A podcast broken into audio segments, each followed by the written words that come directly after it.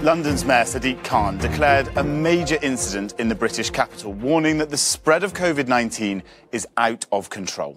With over 7,000 coronavirus patients in hospital, the National Health Service is on the cusp of being overwhelmed and is running out of beds.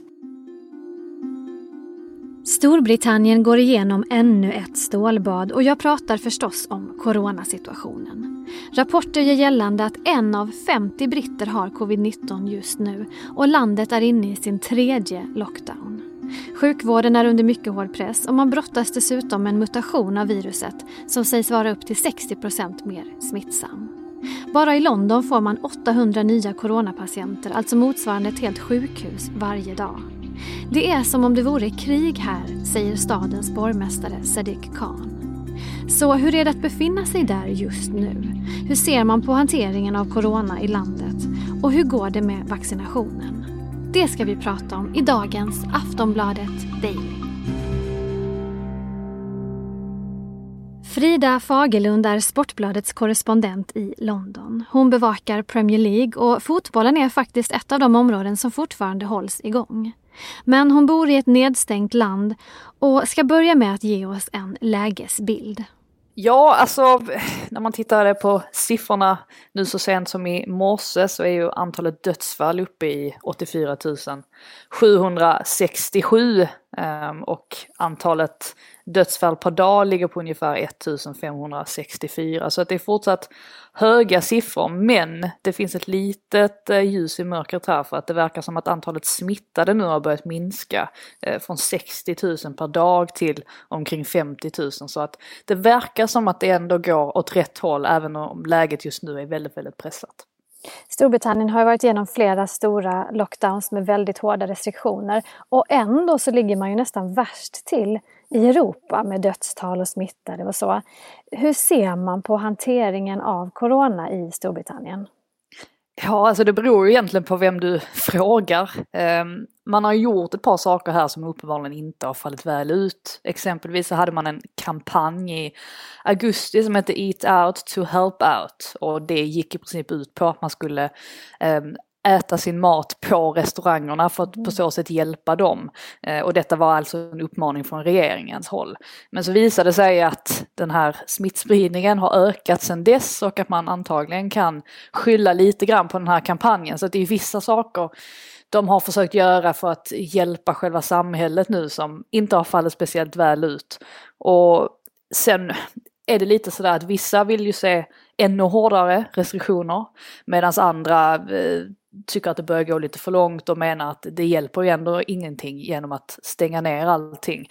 Um, en sak som har diskuterats väldigt mycket nu är att polisen har börjat dela ut betydligt fler böter än vad man gjorde tidigare.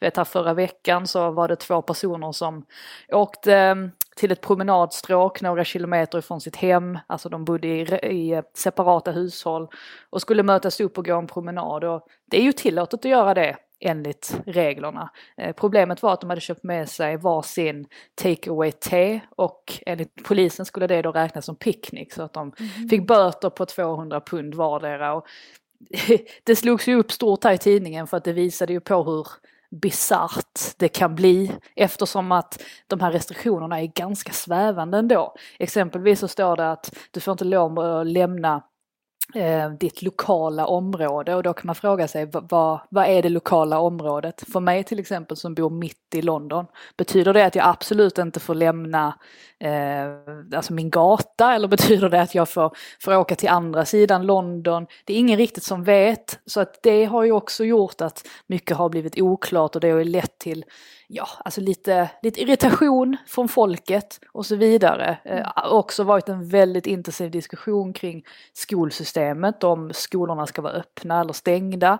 Eh, man menar på att eh, om de är öppna så eh, alltså utses ju både lärare och dessutom då barnen som kanske plockar med sig smittan hem till hushållen. Samtidigt så visar det ju nu att eh, barn som blir hemskolade får ju inte samma sorts utbildning. Det finns ju även barn som lever under förhållanden där man kanske inte får den hjälpen och stödet man behöver hemifrån. Så att det är ju väldigt mycket som diskuteras varenda dag och jag tror inte att vi kommer riktigt veta hur, hur bra regeringen här har skött detta förrän som kanske tio år när man liksom mer kan utvärdera. För att just nu så försöker man ju eh, komma med åtgärder men uppenbarligen så är det ändå en väldigt tuff situation man behöver hantera just nu. I Sverige pratar man ju mycket om en sjukvård som är på knäna och på bristningsgränsen. Och jag hörde Londons borgmästare som talade nästan i krigstermer häromdagen. Hur ser det ut hos er med just eh, vårdsituationen? Ja, nej men det, alltså det är väl ungefär samma läge här. Jag vet att det har gått lite i vågor också. För några veckor sedan så var exempelvis eh, Essex satt under väldigt hård press och det är ett grevskap som ligger väldigt nära London så där fick liksom London kliva in och, och eh, och lätta på trycket för eh, deras del. Alltså, det, man, det man är mest orolig för i allt det här är ju eh, framförallt att det är så många människor som eh, Ja, alltså som väljs bort helt enkelt för att man måste prioritera covid-patienter. Så att 4,6 miljoner människor väntar fortfarande på så kallad non-emergency surgery, vilket är den högsta siffran någonsin, eller sen man började mäta i alla fall. Och under den första lockdownen som ju var från mars förra året så eh, var det 35 000 personer färre som diagnostiserades med cancer än vad man hade räknat med. Så att det visar ju att eftersom att det är, sjukvården är under så pass hårt tryck så väljs andra bort. Och det är ju en oro eh, givetvis för eh, hela samhället då att eh, andra människor ska drabbas också i och med det hårda trycket. Du talade ju om eh, hur det var just med det här med restriktionsområden där olika regler gäller och så. Jag är nyfiken på hur vardagen ser ut eh, för dig. Det verkar vara lite förvirrande då med, med vad man får och inte får göra. Ja, nej men så är det och jag tycker väl, alltså bara här i min byggnad till exempel som jag bor i så märker jag ju att eh, olika hushåll eh, tolkar reglerna på olika sätt. Jag har exempelvis märkt att mina grannar har haft en del, ja alltså inte fester kanske på så vis men att de har bjudit in folk och det har jag tolkat som att det får man absolut inte göra, man får inte beblanda hushåll just nu. Däremot om du bor själv så får du lov att välja ett annat hushåll eh, som liksom blir inom din bubbla. Men det är ju också lite diffust, alltså vad är det som, eh, ja men är det okej okay för mig då att åka till en kompis på andra sidan London. Jag är inte helt, helt klar med om det är okej okay eller inte. Så det är många sådana grejer som ehm, ja, har varit lite oklara. Eh, det som är skillnaden, tycker jag, alltså gentemot den första lockdownen då, eh, från och med mars förra året, det är ju att man har tillåtelse att åka till sitt jobb i större utsträckning än vad man hade då. Och det beror ju dels på att eh, fler verksamheter eh, eh alltså är igång just nu, vilket de kanske inte var under våren då förra året. Så exempelvis jag som jobbar med fotboll har ju tillåtelse att åka på matcher på arenor som ligger i mitt närområde som då är London. Och eh, det kunde jag ju inte göra, eh, dels inte för att fotbollen var igång under förra våren, men det, det, var många verksamheter som sattes helt på paus och så är det inte nu. För man har väl insett också att man kan inte stänga ner samhället så helt fullt ännu en gång. Alltså det hade blivit för tufft eh, för ekonomin. Annars är det ju väldigt mycket rapporter kring den nya mutationen som vi får från Storbritannien förstås. Det har ju stängt gränser och det har varit flygstopp och nya liksom larm väldigt mycket då eh, just från Storbritannien. Hur pratar folk om det eh, där du bor?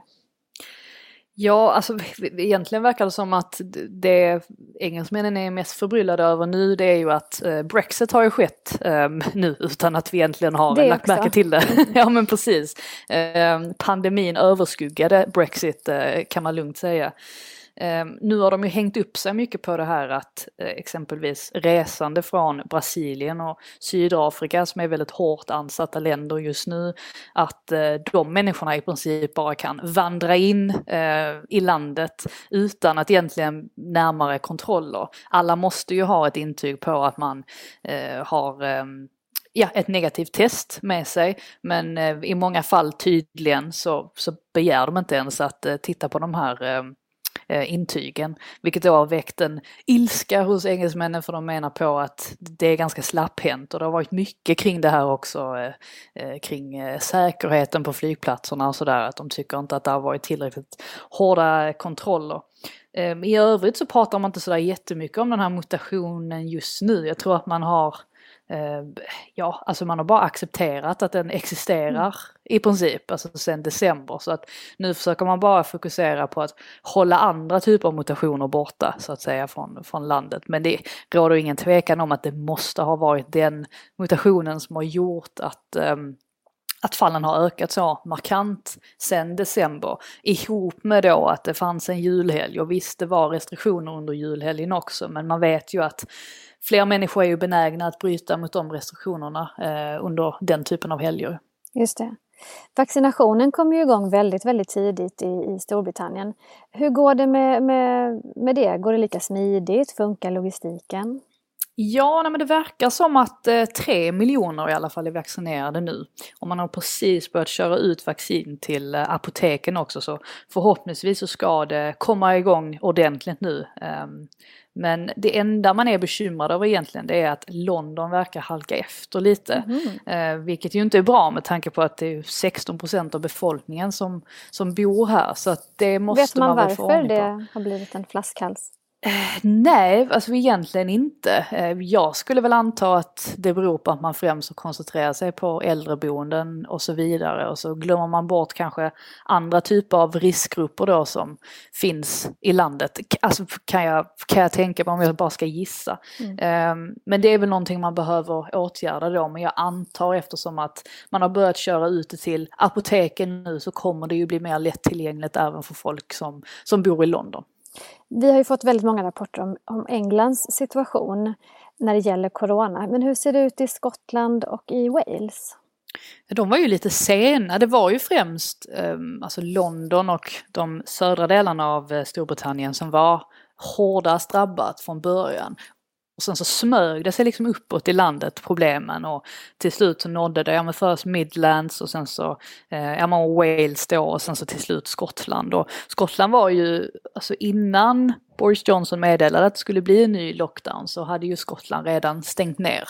Och, och var också väldigt eh, hårt drabbade. Så att just nu skulle man väl kunna säga att de här problemen finns över hela landet. Så att de här olika nivåerna som landet har varit indelat i tidigare, Skottland sköts ju, sköter ju sig själv på egen hand men eh, resten av, ja alltså England och Wales då som har varit indelade i de här olika, ja men nivå 1 till 5 i princip. Alltså just nu är ju alla på ehm, ja, minst nivå 4. Så att, vilket också är en sån där sak som ändrades ganska frekvent innan den här lockdownen. Att helt plötsligt kunde en, en stad, ja men London låg i i tier 3 i kanske två veckor och sen så helt plötsligt så låg man i tier 4 och sen så innebar det andra restriktioner vilket också gjorde det svårt för folk att veta exakt vad som var tillåtet att göra eller inte eftersom att det gick så snabbt från dag till dag. Mm. Så att just nu så är ju hela landet i princip nedstängt och har stora problem. Men som sagt det verkar ju som att antalet smittade i alla fall eh, minskar så man får väl hoppas att man så småningom, så småningom kan öppna upp igen men just mm. nu så ser det ju inte ut att bli förrän, förrän i mars eh, tidigast. Du, eh, nu pratar vi lite grann här om att smittan eh, verkar vara lite på väg ner. Det, det är svårt att veta vad det kommer ge för, för effekt förstås. Men det är ju experter som har varnat för att läget kan bli ännu värre i Storbritannien de kommande veckorna. Hur rustar sig samhället och människor du pratar med eh, för det? Ja, alltså, jag, jag, ärligt talat så ska jag säga att jag märker inte riktigt, alltså man kan inte känna av vad det är som pågår längre. Jag tror det är så att vi har varit i det här så pass länge nu.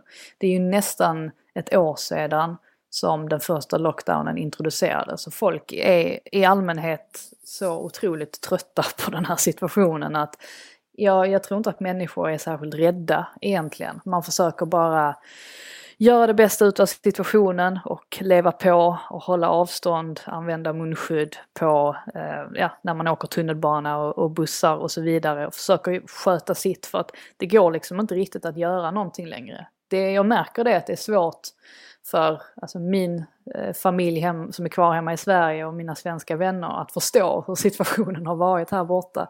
Eh, vi har varit i det här så länge att det har blivit en del av vardagen i princip. Så att jag, jag tror inte att gemene engelsman tänker på ett annorlunda vis än vad man gjorde i somras exempelvis. Utan så här ser det ut just nu och man får helt enkelt bara hoppas att eh, ja, vaccinet kommer göra att samhället kommer på fötterna igen, om det kommer på fötter. Eh, det här kommer vi ju säkerligen känna av under många år framöver. Sist här hörde vi Frida Fagerlund, Sportbladets utsända i London. Jag heter Olivia Svensson och du har lyssnat på Aftonbladet Daily. Hör oss måndag till fredag eller när som helst i din poddspelare.